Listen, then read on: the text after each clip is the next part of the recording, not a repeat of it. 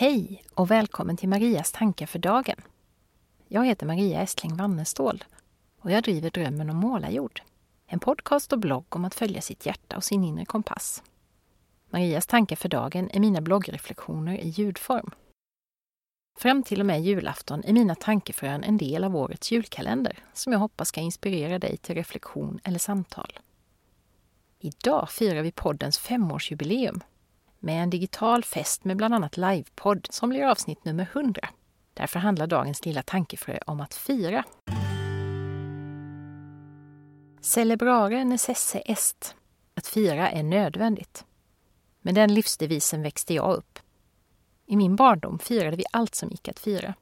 Inte på något obehagligt sätt med alkohol eller så.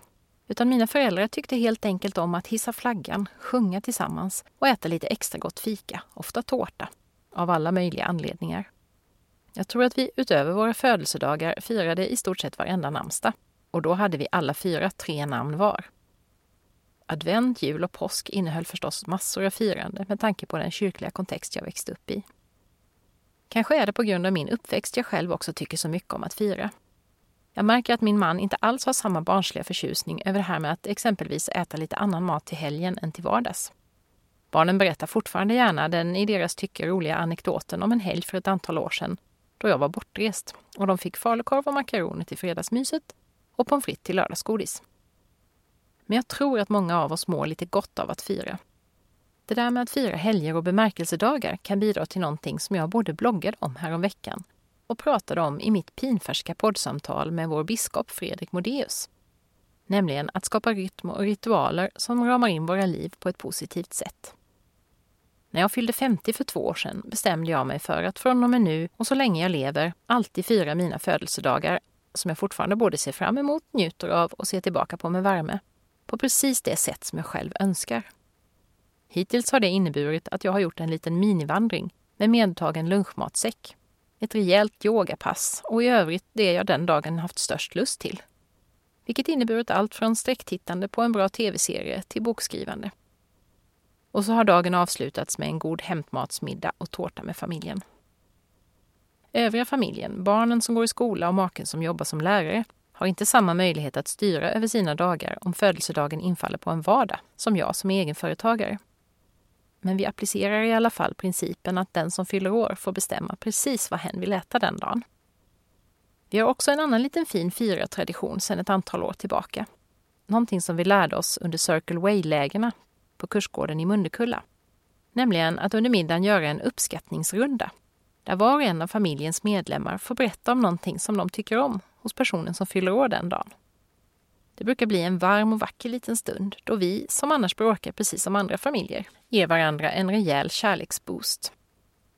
Gissa om jag blev glad när min 15-åring berättade att hon och hennes kompisar på sin årliga adventsövernattning häromveckan, en annan liten fin firartradition, hade gjort en likadan uppskattningsrunda för varandra.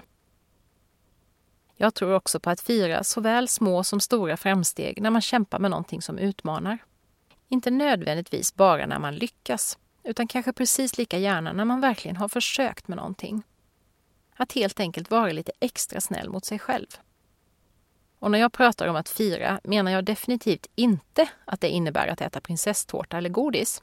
Det vill jag vara tydlig med så att jag inte blir anklagad för att vare sig uppmuntra till onödig konsumtion eller till ohälsosamma kostvanor.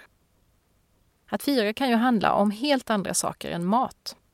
Att kanske belöna sig själv med ett ovanligt mysigt yogapass när man har ägnat en stund åt en tråkig men nödvändig arbetsuppgift. Att få se på ett avsnitt av sin favorit-tv-serie när man har tagit sig igenom ett stort tvättberg. Eller varför inte lyssna på ett avsnitt av Drömmen om målarjord medan man sticker ut och springer för första gången på ett halvår. Ikväll ska vi fira att Drömmen om målarjord fyller fem år och hundra avsnitt. Med en riktigt mysig digital poddfest till förmån för Sveriges Radios Musikhjälpen. Som i år har temat Ingen människa ska lämnas utan vård. Jag ser så mycket fram emot att få träffa en del av mina poddlyssnare. Det blir en liten incheckning med alla som deltar. Livepodd med min kära poddklan. Och så hjälps vi alla åt att skänka lite pengar som hjälper till att rädda liv för människor som inte får den vård de har behov av och rätt till. Det tycker jag är ett himla bra sätt att fira. Idag är min fråga till dig. Hur är din relation till firande? Är det viktigt för dig? Och hur firar du helst? Finns det någonting du skulle vilja fira precis just idag? Tack för att du har lyssnat och välkommen tillbaka till en ny kalenderlucka imorgon. Hej då! thank you